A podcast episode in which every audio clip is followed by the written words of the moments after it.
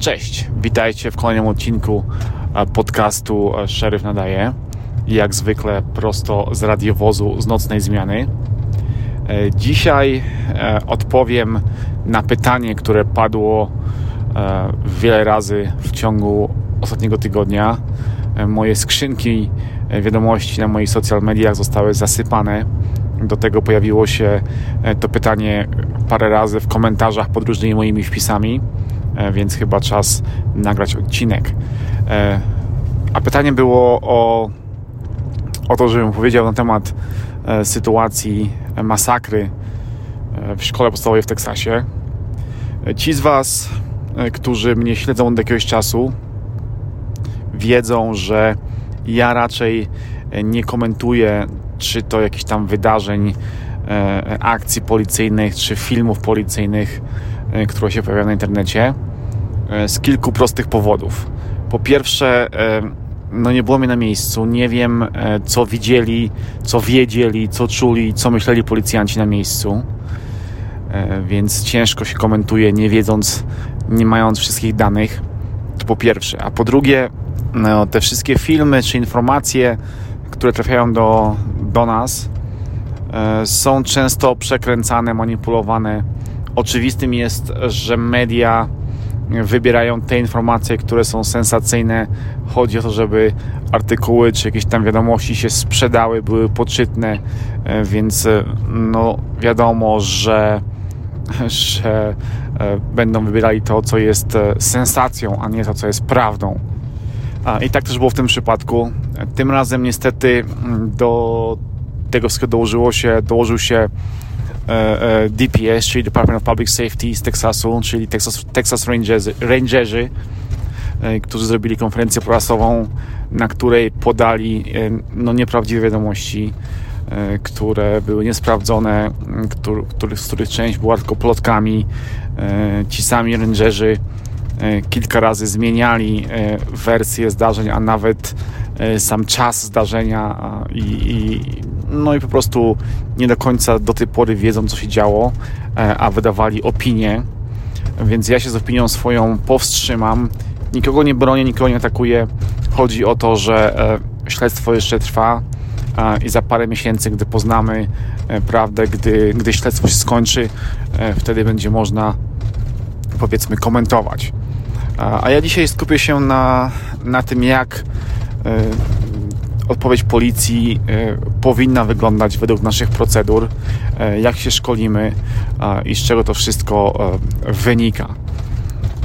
Oczywiście szkolenia dotyczące active shooter czy, czy lone shooter cały czas, cały czas się zmieniają. Wynika to z tego, że zmienia się, zmienia się świat cały czas. Mm, to wszystko ewoluuje i niestety to, co było dobre parę lat temu, już jest niekoniecznie dobre dzisiaj.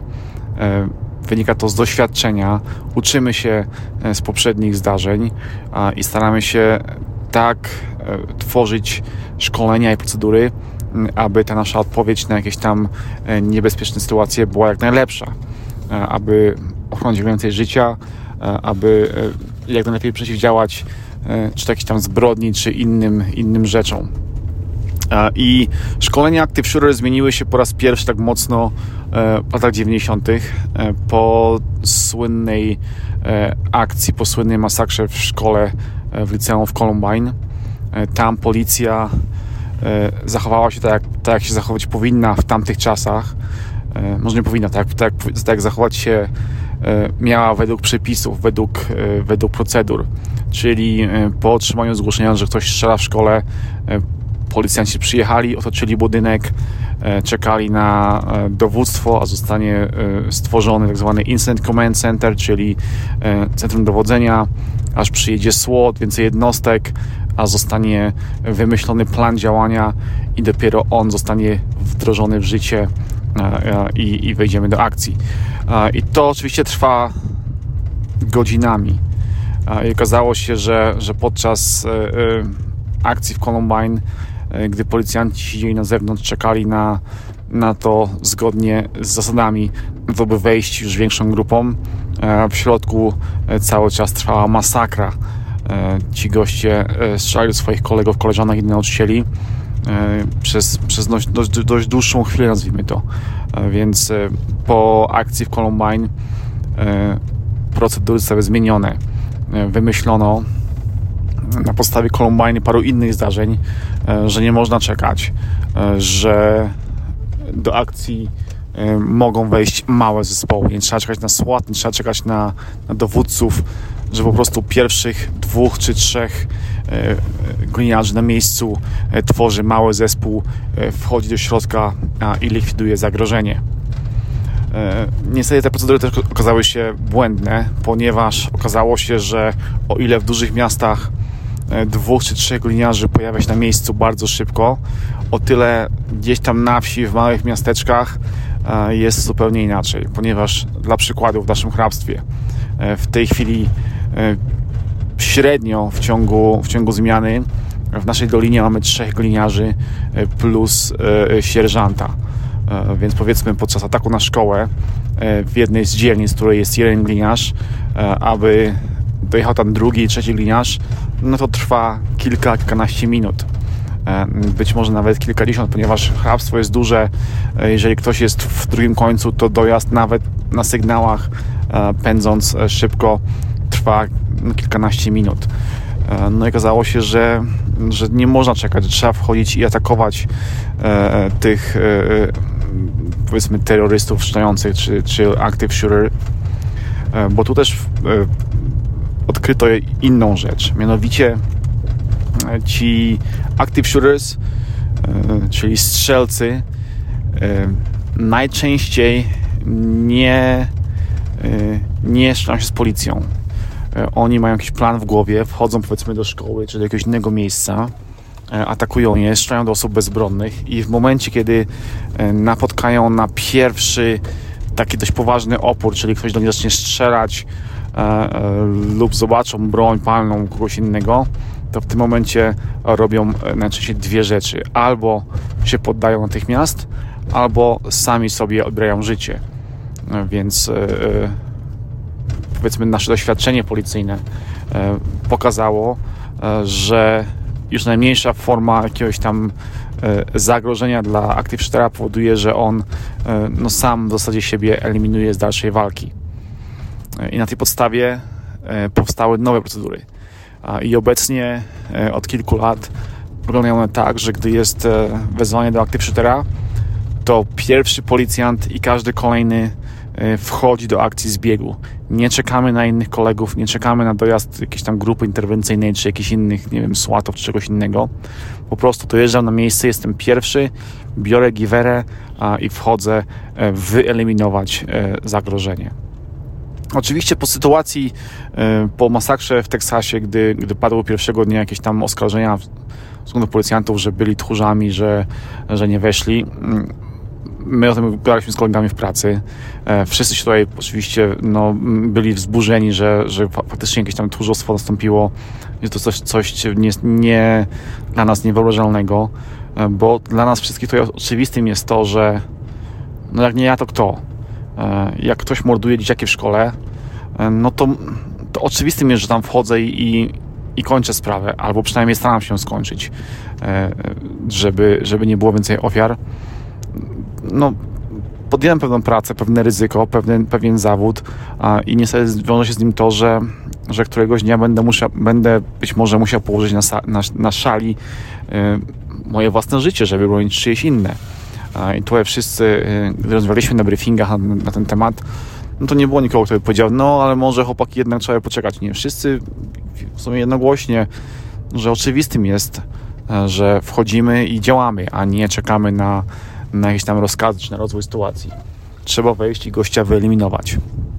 I tak jest, że mam taki, taki mindset e, ma większość gliniarzy. Oczywiście wśród tych 10 tysięcy gliniarzy na pewno zdarzy się tchórz, na pewno zdarzy się ktoś, kto e, do tej akcji nie wejdzie, ale to są jakieś pojedyncze e, powiedzmy jednostki moim zdaniem. To nie jest jakaś tam reguła. Oczywiście były wiadomości w w mass mediach, że w Teksasie gliniarze czekali godzinę przed wejściem, że nic nie robili, że nie reagowali. E, nie będę się kłócił, nie będę ich bronił, nie będę ich atakował. ale powiem Wam, jak wygląda no, taka procedura, powiedzmy, Active Shootera. Active Shooter to jest ktoś, kto strzela, jak sama wskazuje, do, do innych osób, do bezbronnych osób, gdzieś tam, nie wiem, czy to w budynku, czy na jakimś koncercie, czy nawet powiedzmy wchodzi po dzielnicy i strzela do ludzi, prawda? Cały czas atakuje, cały czas stwarza zagrożenie. W momencie, taki, taki active shooter zamknie się w pokoju z zakładnikami, e, przestaje być active shooterem, zaczyna być e, tak zwanym barricaded suspect, czyli zabarykadowanym e, przestępcą. E, I tu znowu powiedzmy do głosu dochodzą e, doświadczenia e, policyjne z podobnych sytuacji. I wynika z nich, że jak ktoś się zabarykaduje w jakimś tam pomieszczeniu, to najczęściej w tym momencie on przestaje na chwilę zabijać. On trzyma zakładników, bo ma jakiś cel. Czy to chce wynegocjować swoją wolność, czy, czy chce czeka na, na media, czy czeka na coś innego. W każdym razie przestaje strzelać i, i jest czas oczekiwania. I w tym momencie, gdy, gdy policjanci nie do końca przygotowani do tego, żeby, żeby powiedzmy sforsować drzwi szybko, e, zaczęli, zaczęli te drzwi forsować, no to gościu wewnątrz znowu by zaczął strzelać. I nie to, nie, nie do drzwi, tylko do tych ludzi, którzy byli z nim w środku, do tych zakładników. Więc e, powiedzmy takie e, nieprzygotowane nieprzygotowany atak e, na, tego, na te drzwi, na tego, na tego gościa, który trzyma zakładników, spowodowałby to, e, że podczas gdy gliniarze by się próbowali do tego, do tego pokoju dostać, e, on by e, rozstrzelał pozostałych zakładników. I tak prawdopodobnie było taki mindset mieli też gliniarze w Teksasie. Gość przestał strzelać, zabarykadowała się w pokoju, czy tam w jakiejś sali lekcyjnej z dzieciakami. Nie padały strzały, więc oni słusznie podjęli decyzję, moim zdaniem, żeby czekać na SWAT, ponieważ SWAT czy jakiś inny zespół, który jest przygotowany do tego, e, ma narzędzia do szybkiego otwierania drzwi, do szybkiego forsowania drzwi, e, ma narzędzia do, nie wiem, ich wysadzenia czy, czy rozbicia e, i to forsowanie drzwi jest bardzo szybkie i wejście do pokoju, czy tam do jakiejś sali lekcyjnej w takim przypadku jest też bardzo szybkie, że gościu nie ma zbyt dużego czasu na to, żeby zmasakrować wszystkich w środku. No i tak też było tym razem. Przyjechał SWAT, a weszli w środka goście rozstrzelali. Niestety e, w międzyczasie e, coś tam nie zadziałało, coś się stało, że gościu jednak e, do iluś tam osób jeszcze strzelił. Nie znamy dokładnie jak sytuacja wyglądała, nie wiemy, czy on to strzelał w momencie, kiedy zaczęli forsować drzwi, czy, czy też chwilę przed, czy w trakcie e, rozstrzeliło zakładników, tego nie wiem, więc tutaj nie będę ani bronił tych policjantów, ani ich decyzji, ale, ale e, myślę, że e, no na pewno nie była ona powiedzmy podjęta z powodu tchórzostwa, tylko z powodu jakichś tam procedur i tego, czego, czego oni się domyślali, co może być w, tym, w, no, w tej sali. W naszym hrabstwie szkolenia e, typu Active Shooter mamy raz w roku. E, prowadzi je SWAT. E, to jest kilka dni zajęć. Mamy powiedzmy jakąś tam godzinkę omówienia teorii oraz najnowszych badań dotyczących, czy najnowszych przypadków dotyczących Active Shootera. Na pewno na naszych najbliższych zajęciach w tym roku będziemy omawiali to, co już wiemy z Teksasu, to, co wiemy teraz ze szpitala E, bo też było w szpitalu, to co wiemy z innych e, podobnych e, powiedzmy zdarzeń w ciągu ostatniego roku, a, a potem są, jest kilka dni szkolenia Active Shooter już w szkołach, ponieważ robimy to w wakacje, gdzie dzieciaków nie ma w szkole. SWAT team robi za tych złych, część SWAT teamu. Oprócz tego staramy się przeprowadzić nasze dzieci, żeby grały jako dzieci w szkole i w ten sposób e, no, robimy jakieś tam scenariusze i szkolimy naszych kolegów z patrolu e, właśnie po to, żeby byli w stanie e, szybko wejść do budynku i, i, i z, powiedzmy zniwelować zagrożenie. Wszystkie nasze szkoły mają tak zwany master key, czyli klucz, który otwiera wszystkie drzwi prowadzące do szkoły. Każdy z tych kluczy jest zamknięty w w określonym miejscu na zewnątrz szkoły. My od tego pudełka mamy, mamy szyfr, więc możemy zawsze mieć dostęp do wnętrza szkoły. Nie będziemy musieli czekać na jakiegoś tam woźnego, żeby nam drzwi otworzył, więc to jest takie ułatwienie. Jesteśmy na to przygotowani. E, szkolenie naszych kolegów z patrolu, e, gdzie klucze są, żeby je, żeby, żeby je szybko znaleźli. Szkolimy ich e, z przeszukiwania budynków, z tego jak reagować na strzelca, co omijać, żeby, żeby szli w kierunku odgłosów strzelania, a nie szukali po kolei w każdym, w każdym z pomieszczeń, bo podczas akty, których nie ma czasu na przeszukiwanie budynku, jest czas na to, żeby biec w kierunku, z którego dochodzą strzały, żeby wyeliminować zagrożenie albo żeby przynajmniej e, zacząć go się strzelać, bo wtedy być może on się podda albo sam siebie zastrzeli, jak wynika e, z doświadczenia i badań, e, które, które mamy, może nie badań, doświadczenia i poprzednich przypadków, e, które możemy oceniać i które możemy analizować. Sytuacja w, w, tym, w tym Teksasie no, nie, jest, nie jest prosta. E, tak jak mówiłem, nie wiemy, co się tam działo, nie znamy wszystkich dokładnie danych, więc, e, no, tak jak mówiłem, powstrzymam się tutaj z oceną. Nie chcę nikogo bronić, ale też uważam, że no, media niestety, wiadomo, że są zawsze dwie strony medalu. Media tutaj mm, rozgrzały temat dość mocno. Prawda powinna gdzieś tam po środku. E, zresztą zawsze podkreślam, że nie wszystko jest białe, białe czarne. Bardzo często są odcienie szarości te kolory się mieszają, nazwijmy to, e, więc e, tak samo nie będzie w tej sprawie, że jednak e, no nie jest biało i czarne, że policjanci byli, nie wiem, tchórzami albo że nie byli tchórzami. Ktoś gdzieś tam zdecydował, czy ktoś podjął decyzję, dlaczego tak, a inaczej zachowali. I tutaj kolejna, kolejny taki temat, czyli analiza zdarzenia. Łatwo się analizuje, znając skutki, znając koniec, jak się, jak się to zdarzenie zakończyło. E, sytuacja zupełnie inaczej wygląda, gdy nie wiemy, e, jakie będzie rozwiązanie. E, oczywistym jest, że policjanci nie mają kryształowej kuli, nie znają przyszłości, więc podejmują decyzje najlepsze w danym momencie na podstawie tego, co wiedzą, na podstawie danych, które mają w danej chwili. Więc też nie można oceniać, że no, ale gdyby weszli, to może by nie zginęły jeszcze dwie czy trzy osoby. No może, może by nie zginęły, ale oni tutaj podjęli decyzję E, taką, jaką przewidywała procedura, e, bo procedura mówi, że w ten sposób jest większa szansa na ocalenie życia. E, więc no tutaj też, tutaj jednak będę trochę bronił tych policjantów, bo, bo moim zdaniem no nie możemy oceniać tak oceniają media. O, gościu zabił tyle tyle osób, ale zróbmy krok do tyłu. Tu gdyby weszli, to by, to by było tak i tak, a zróbmy jeszcze jeden krok do tyłu w, powiedzmy w tym czasie i, i, i gdyby tutaj ktoś go zaatakował przed szkołą, to jeszcze byłoby inaczej, a jeszcze zróbmy jeden krok do tyłu E, dlaczego nikt nie zauważył, że gościu kupuje giwery.